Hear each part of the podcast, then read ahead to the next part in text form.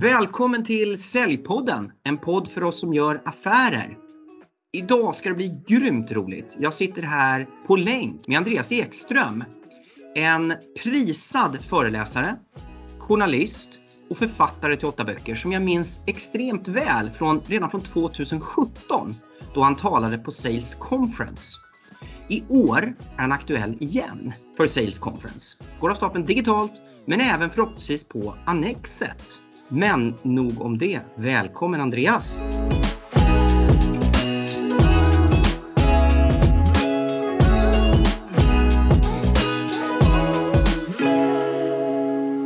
Tack så mycket! Gjorde jag dig rättvisa med introduktionen? Stämde den? Du var möjligen alldeles för generös, men annars lät det bra tycker jag. Det här är en podd som är generös. Vi säljare är generösa med att skapa värde. Det är bra det. Berätta lite mer. Lite vem är du? För lyssnarna.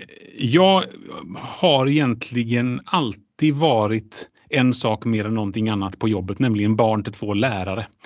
Eh, det är liksom pedagogik för samhället som har varit min grej. Det var därför jag gav mig in i journalistiken, det är därför jag blev författare, det är därför jag är föreläsare. Jag tror helt enkelt på att försöka ta reda på saker så noga som jag kan och sen presentera dem så tillgängligt som möjligt. Då kan jag bidra till ett samhälle där folk är lite bättre informerade, fattar bättre beslut. Och det känns på det hela taget både kul och meningsfullt att göra.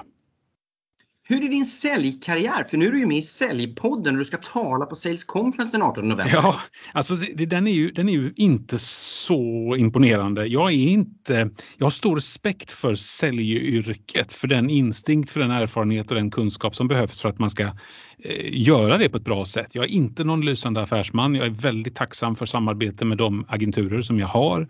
Eh, jag finner heller inte min djupaste motivation i att maximera min fakturering. Det vill säga, eh, hade jag styrt om lite grann med den typen av ämnesområden som jag behärskar, det vill säga digitaliseringsfrågor, framtidsfrågor, så hade jag ju kunnat nischa mig hårdare mot fler ljusblåa skjortor på banker och, och därmed fakturera mer. Men om jag gjorde det, då skulle jag ju aldrig få träffa alla bibliotekarier i Gävle kommun. Och då skulle inte jag lära mig lika mycket. Det, så det, jag är inte Eh, jag har inte riktigt den, den killerinstinkten att liksom gå på, på maxavslut så utan, utan det, är, det är en komplicerad process för mig och därför tar jag hemskt gärna hjälp med den. Vad är din huvudsakliga drivkraft då? Nej, men det är nog att kunna bidra med underlag till opinionsbildning. Alltså att, att vi ska kunna ha ett bättre samhälle om vi vet mer om de saker som händer oss. Och det gäller ju alla nivåer i samhället. Men just digital, digitaliseringen, den revolution som vi just nu genomlever, den ändrar spelplanen på alla sätt, på alla nivåer. För företagen, för myndigheterna och för oss som människor. Det är viktigt att vi fattar riktigt bra beslut om det just nu. För att de besluten som vi fattar ska inte bara hålla för oss utan de riskerar nog att bli ganska vägledande också. Alltså de som kommer efter oss kommer att titta på vad vi gjorde och säga ja, ja, så där har vi alltid gjort. Mm. Men korrigera mig nu här. Du har ett why som handlar om att bidra med värde till världen. Du vill bidra till bibliotekarier i Gävle kommun och du vill bidra till den enskilde läsaren av dina kolumner eller böcker och till de som besöker din föreläsning. Det är, är rätt. Det, det är rätt. Men och du gör det här alltid gratis eller tar du betalt? Nej, jag tar absolut betalt och det gör jag i olika former. Alltså dels har jag ju en, en, anställning som visserligen nu bara är på en liten deltid i tidningen Sydsvenskan där jag har jobbat sedan 1900-talet. Eh, böcker säljer man ju, men om ni visste hur lite man tjänar på böcker om man inte är Camilla Läckberg, då skulle ni bli förvånade. Det är otroligt små summor det handlar om, utan böcker skriver de flesta av oss för att vi förkovrar oss, vi blir bättre, vi lär oss någonting, vi koncentrerar oss och vi får fram ett destillat av våra kunskaper som också ger oss själva en auktoritet. Så det finns andra skäl att, att göra det. Föreläsningsmarknaden är ju sån att eh, den är, det är hård konkurrens där. Men om man behärskar ett ämne bra och kan hantverket väl så finns det ju naturligtvis en affär i det som är mer lukrativ än att sälja enstaka tidningsartiklar eller enstaka böcker. Det, så är det absolut.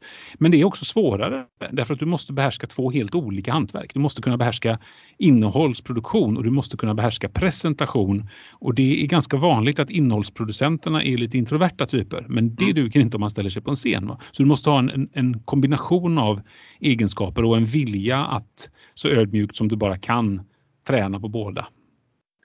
Det här är underbart. Du vill skapa värde för många och den enskilde. Du tar betalt för det du gör. Du är i en tuff bransch. Du har partners du arbetar med. Du, välkommen, du är säljare. Ja, det är väl så. Va? Det, men det är också en fråga om att, att delegera väldigt mycket. Alltså, ja. varför har jag de snyggaste powerpoint-bilderna av alla svenska talare? Det är för att jag inte gör dem själv. Mm. Utan därför att hon, hon som är bäst i Sverige på att göra det, Elin Eriksson, gör dem åt mig. Mm. Eh, varför har jag eh, den bästa tänkbara ljudmikrofonen hemifrån för, i min studio? Det är därför att Jakob Rubensson, teknisk producent, har valt den åt mig. Det, det, är för att jag inte överskattar mina kunskaper som jag blir bra. Mm. Ja, det är ju tur att du inte är SVT nu för här kommer härlig reklam för fantastiska yrkesmän och yrkeskvinnor. Berätta, du har ju föreläst internationellt. Det har jag. Det har jag gjort. Vad är eh, största skillnaden med att vara, liksom, göra dina affärer eller jobba internationellt mot att jobba i Sverige? För det första så är det ju helt andra förhandlingskulturer och, och alltså man ska komma överens. Det är möteskultur, vad ska det vara för innehåll och, och sen är det förstås andra tariffer det handlar om. Jag arbetar nästan alltid med agenturer utomlands därför att det, det också är lite större belopp. För det måste bli rätt och man har ju ingenting att sätta emot om en, om en uppdragsgivare i, i Tjeckien eller Sydafrika eller Brasilien skulle få för sig att inte betala sen. Det har i och för sig aldrig hänt mig, men, men eh, det är ganska klokt att, att jobba med en bra säljverksamhet som ju också kan garanteras att blir jag sjuk då har de ju en, en hel organisation i ryggen som gör att kunden kan få en, en mycket bra ersättare med kort varsel och så där. Så det finns massa sådana fördelar. Eh, men jag har ju varit med om att försöka lära mig och förstå andra säljkulturer som har fått mig otroligt häpen. Ah, faktum är att jag, jag har en, en historia som, som jag måste få bjuda på det här. Ja, det finns en, en kultur i vissa delar av världen där, där man liksom inte ska tacka nej när man får ett fint erbjudande om att komma och föreläsa, ah, även om man inte vill. Alltså, alltså är man upptagen, bokad så är det ju som det är. Men, men om man känner att nej, men det där blir en för lång resa eller det där sammanhanget är inte riktigt rätt det finns då vissa som, som inte riktigt gillar att få höra det, att de inte är prioriterade. Men vad man då kan göra, och här, jag tycker att det här verkligen är knäppt. Men då har jag fått uppmaningen någon gång av en, av en agent, så här, men, men prisa ut dig. Det vill säga begär så vansinnigt mycket betalt så att de kan slå ut med händerna och säga ja, vi förstår, han är duktig men vi har inte budget för det, kanske ses vi en annan gång. Jättebra. Och sen så tappar ingen ansiktet då på något sätt. Igen, jag begriper ingenting. Ja, men okej, okay, de vill göra så. Så detta hände ju mig en gång. En, en, en av mina mest eh, pålitliga uppdragsgivare i London hör av sig och säger du, jag har föreslagit dig här för ett uppdrag i Gold Coast i Australien. 30 timmars flygning hemifrån mig. Jag bor i Lund så det är nära Köpenhamn. Kan man flyga Singapore sen till Gold Coast. Ja, skulle behöva åka fram och tillbaka på några dagar. Det tar 30 timmar. Jag behöver vara i Borlänge på fredag så jag kan inte stanna längre. Jag vill inte. Det är inte hållbart för klimatet, det är inte hållbart för min kropp, det är inte hållbart på något sätt. Va? okej, okay, säger Nick då, min, min agent. Jag, jag förstår dig, det är, en, det är en bra grej det här, men jag fattar. Då, då, får du nog ta och prisa ut dig, för annars så blir de liksom ledsna. Men säg bara att jag inte vill. Nej, det vill jag inte göra, sen. Du får prisa ut dig. Och så okej, okay, då drar jag alltså till med ett belopp som motsvarar något, ett, ett utvecklingslands BNP ungefär. Mm. Och, och tänker, och det, det ska jag väl få tyst på dem då. Och så går det två dagar så ringer Nick tillbaka och säger du, jag föreslog ju också mm, ekonomiprofessor X från X University, men hon är ju lite mer rutinerad än du, så hon prisade ut sig på en högre nivå. så hon hade föreslagit två BNP för utvecklingsländer. Och då sa jag, men vad fan säger du? Betyder det att jag är tvungen att åka då om de säger ja? Så, ja, det är ju lite accept på avtalet, så det behöver du egentligen. Och jag sa, ja, men jag vill verkligen inte. Och sen löste det sig ändå därför att han trollade fram ett alternativ. En, en kille som har sin bas i Hongkong och som då närmast hade en, en liten tur bara dit för att göra det uppdraget istället. Så jag behövde inte göra det. Men för mig är ju det där en, en hopplös och, och omodern kultur. Jag föredrar ju att man skakar hand, att man tittar varandra i ögonen och säger tack så hemskt mycket för ert fina erbjudande. Men jag orkar inte flyga till Australien och tillbaka och vill inte göra det heller. Skulle vi kunna ses digitalt istället? Alltså det är mycket bättre med dem, den raka, okomplicerade uppriktigheten eh, parterna emellan. Det föredrar jag i alla lägen som den människa jag är och jag tror också att vi har en sån, en sån samtalskultur mer i Skandinavien än, än kanske på andra ställen. Ja, jag upplever samma sak. Det där spelet, jag är inte riktigt bekant med det. Jag har eh, råkat ut för det några gånger när jag jobbat internationellt. Men det där är en väldigt rolig story hur olika det kan vara. Vad skulle du föreläsa om som var värt så mycket pengar för ja, det, ja, det, det, det, var det som var så obegripligt för att de ville ha, de hade sett mig helt enkelt på ett, det var ett bolag som hade sett mig på en annan konferens, en, en, en stor grej som jag gjorde i Spanien. Och de ville ha exakt samma sak som de hade sett där, alltså en, en väldigt, ja, men en noga producerad föreläsning som var väldigt släkt med den som jag gjorde på The Sales Conference för, för fyra år sedan som hette Seven Ways to Own the World, sju sätt att äga världen. Den finns på, på uh, Youtube i en produktion på engelska om, om man är nyfiken på den. Eh, så det var en variant på det som de ville ha. Eh, av någon anledning så, så träffade den väldigt rätt på många ställen, precis det manuset. Så just den har jag gjort på väldigt många ställen och det var det de ville ha också. Men jag tror också att det var ett företag som eh, jag ska inte säga vad, vad de höll på med sådär, men de, de var en bransch där jag fick intrycket av att det inte spelar så stor roll vad saker och ting kostade. De som fattade besluten om pengarna var väldigt långt ifrån de som ägde pengarna. Och då kan det ju bli så. Alltså inte riktigt egentligen en, en sund ekonomistyrning i, i det bolaget, kanske man försiktigt kan säga. Ni som lyssnar på det här, jag såg den här föreläsningen 2017 på The Sales Conference och tyckte den var magisk och det är väl också förklaringen till att du är tillbakabjuden till The Sales Conference.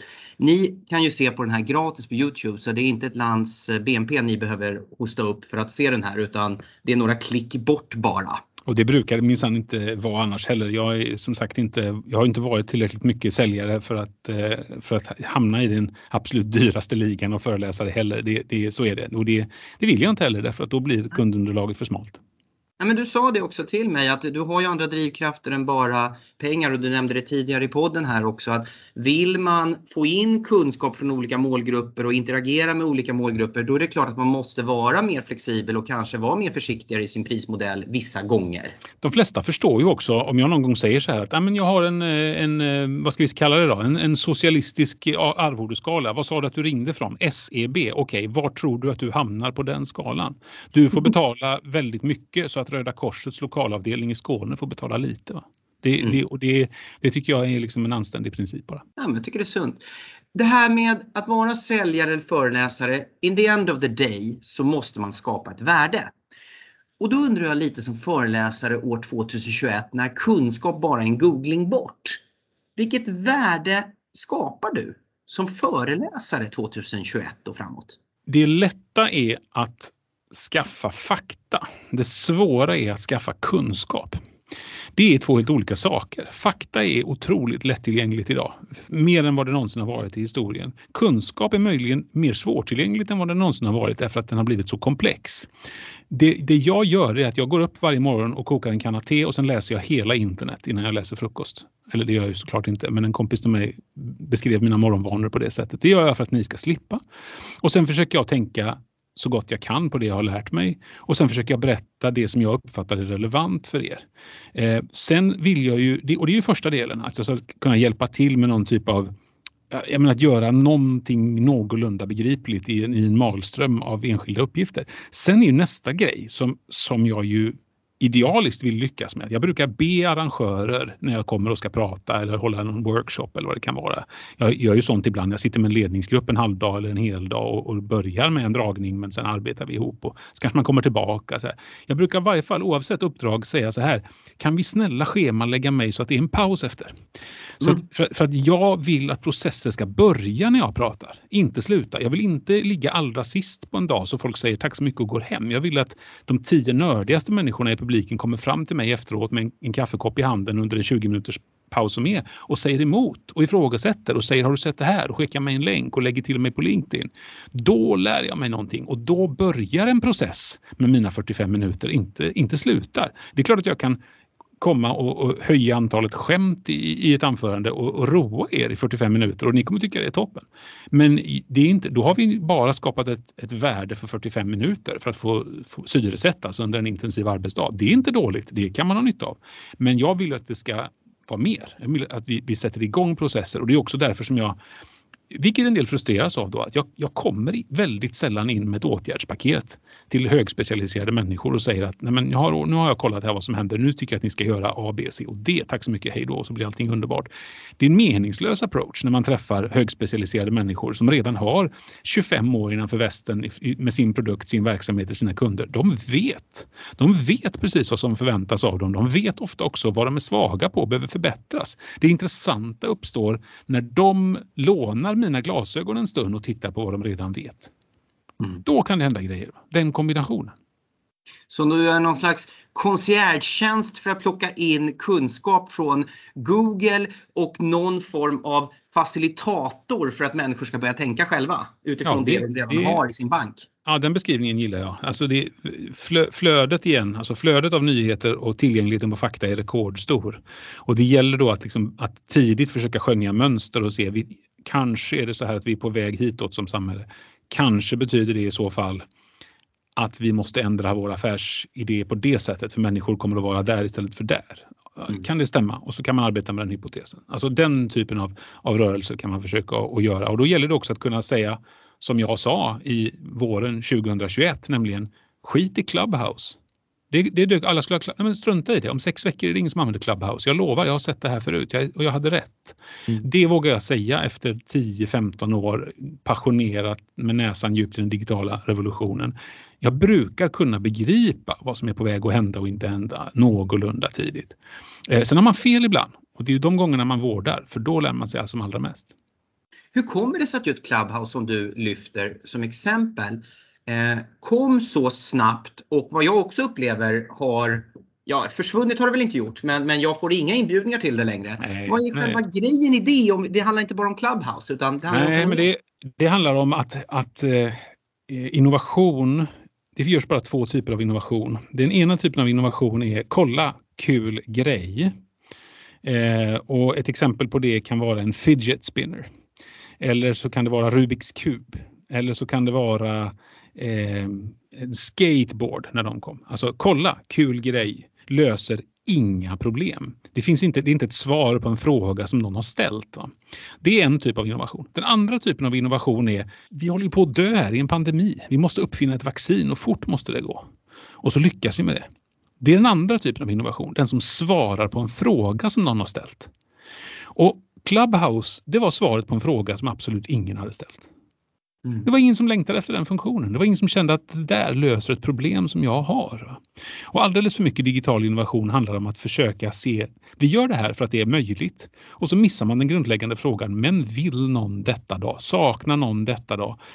Möter det tillräckligt? Alltså så här, om Malik som är en, en eh, teknikjournalist och, och, tidigare utvecklare som jag beundrar mycket. Han har sagt att men, alla appar i din telefon som du verkligen använder, de kan sorteras in i en av två högar. Antingen är det eh, redskap, någonting som du uppfattar som användbart. Det är din gymapp eller din kartapp eller, eller din inköpslista. Eller så är det underhållning. Det är din Youtube-app eller det är vad det nu kan Instagram. Så. Det är någon av de två. Det är nästan bara det. Allting som, allting som du verkligen behöver är underhållning eller redskap. Väldigt, väldigt, väldigt tydligt. Och om det inte är tillräckligt bra som redskap, om det inte är tillräckligt kul som underhållning, då kommer du förr eller senare att sluta använda den. Clubhouse var inte tillräckligt kul och inte tillräckligt mycket ett redskap.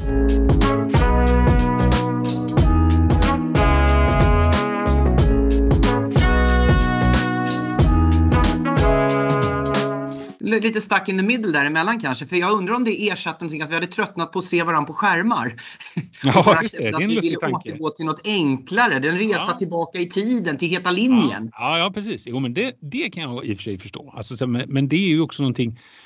Ny, när det gamla är nyhetens behag, då måste man fundera på eh, om vi inte ändå ska försöka att ta oss vidare. Så kommunikationsformer sätt att mötas digitalt, alltså, det har vi ganska mycket. Jag, jag, känner inte att jag längtar jättemycket efter en inbox till. Jag har tio. Jag kan inte ens stänga av flera av dem. Jag vill inte ha en inbox på Instagram, men jag har ju det för att den, är default. Liksom. Nej. Eh, begåvade människor som satsade på någonting som inte behövdes. Vi har ju pratat mycket i den här podden om drivkrafter, ett område jag är väldigt fascinerad om. Då. Och det låter som att du har ett extremt utvecklingsfokus. Du vill utveckla dig, du vill lära dig, du pratar väldigt mycket om det.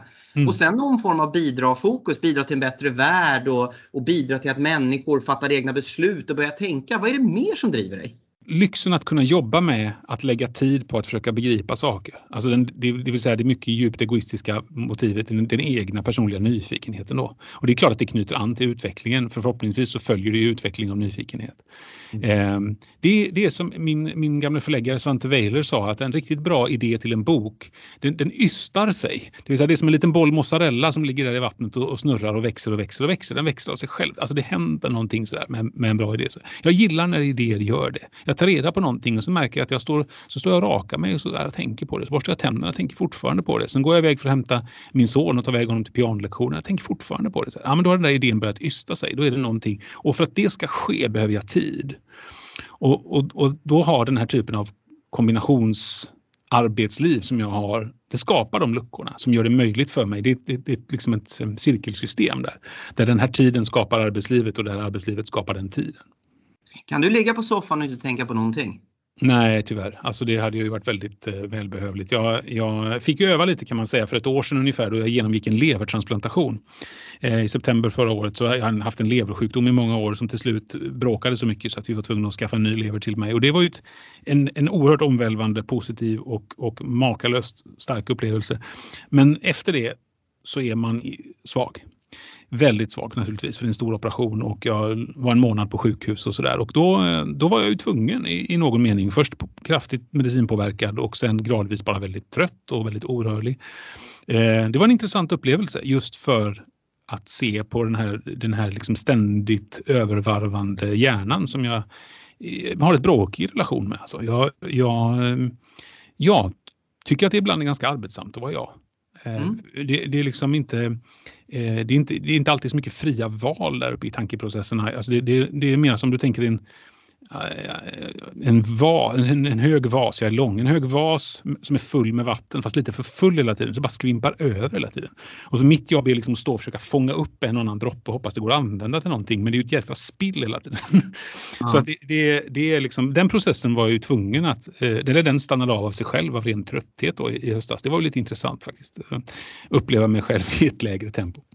Ja, men den processen Eh, den här vattenkannan som du beskriver, den, eh, så länge det där funkar så blir det en enorm effekt. Eh, och när det då så att säga blir för mycket av det, ja då rinner det ju över helt enkelt. Har mm. du lyckats, det var inte meningen att komma in på det spåret, men det är ändå ganska viktigt för att säljare behöver också hela tiden ha hjärnan igång, hitta balansen, men jobba med sin utveckling. Men har du något knep för att nu efter då, efter allt det här, har du något knep för att ändå stänga av eller koppla bort utvecklingshjärnan? Nah, alltså det, jag, jag, menar, jag tycker ju snarast, jag har det problemet också att jag, jag är inte så himla bra på att ge mig själv eh, liksom cred för det som är gjort heller, utan jag, jag, tycker nog väldigt ofta att jag kunde kanske ha gjort lite mer eller att jag kunde ha ansträngt mig lite mer. Alltså jag, jag, kan, jag kan snarare lägga märke till min lättja än min energi då.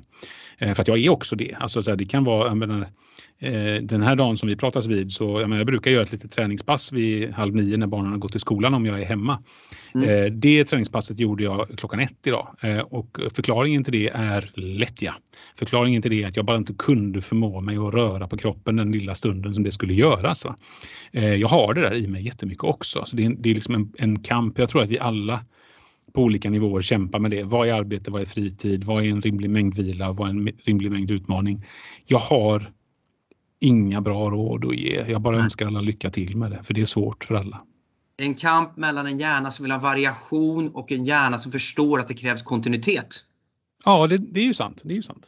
Ja, men det där är olika. Jag tyckte du sa det väldigt bra. Åter till eh, föreläsning. När du står på scen, det här är jag nyfiken på, för jag har föreläst en hel del, inte på samma nivå, men jag har kommit fram till att jag får ett problem. Jag älskar den här utvecklingsdelen. Eh, jag älskar att Lisa går ut och gör någonting av det här och feedbackar mig på det hon lärde sig. Men jag får inte tillräckligt med kick på scen. Får du, vad, vad, får du för kick av att stå på scen eller lämna scen? Eller, ja, berätta. Det, är, det har gått i perioder över ett långt yrkesliv. Första gången när man ställer sig på en scen är man nervös naturligtvis. Eh, mm. Men det är ju länge sedan jag har spelat tillräckligt mycket i halvbra coverband så i min ungdom och även nu förresten. För att ha liksom jobbat upp en scenvana som gör att jag numera egentligen aldrig får någon skillnad i puls när jag ska jobba. Däremot får man en skillnad i koncentration. Så. Det, det, det, är, en, det är en annan sak. Men nej, jag, jag, det är trevligt att få en applåd, det är trevligt att få ett skratt. Men eh, koncentrationen ligger inte där. Eh, utan, utan det handlar om att göra hantverket i alla delar så bra som det går. Eh, mm. och, och, då måste man, då ingår det att man är lyhörd för publiken, att man lämnar plats för skratt eller att man följer upp ett spår som man märkte fanns i rummet och sticker iväg åt det hållet och kommer tillbaka dit man ska. Allt det är hantverk.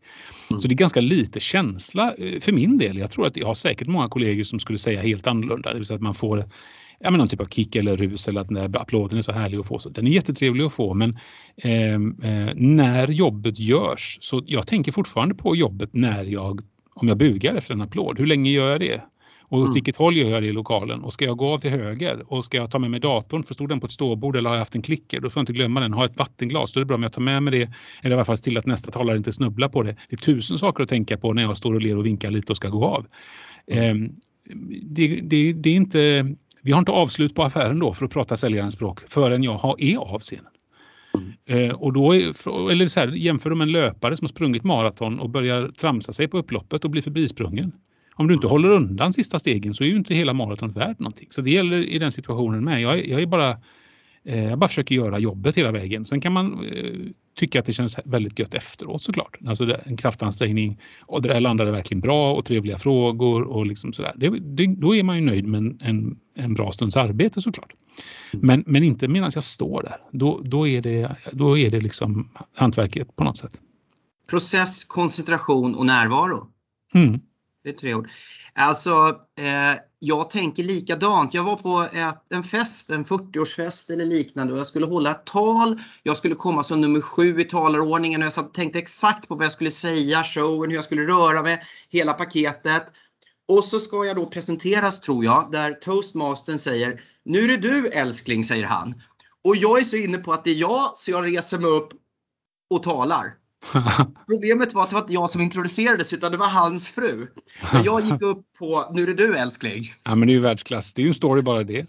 Ja, jag, ty jag tyckte ändå att det, jag ska ha cred för det på något vis. Ja, det, ja, jag var inne i mig själv. Ja, men du bidrog till partyt ju. Det var ju perfekt. Ja, det gjorde jag faktiskt. Mm. Du, den 18 november, Mercury International Pro Sales Sales Conference. Jag vet inte om det är tolfte året.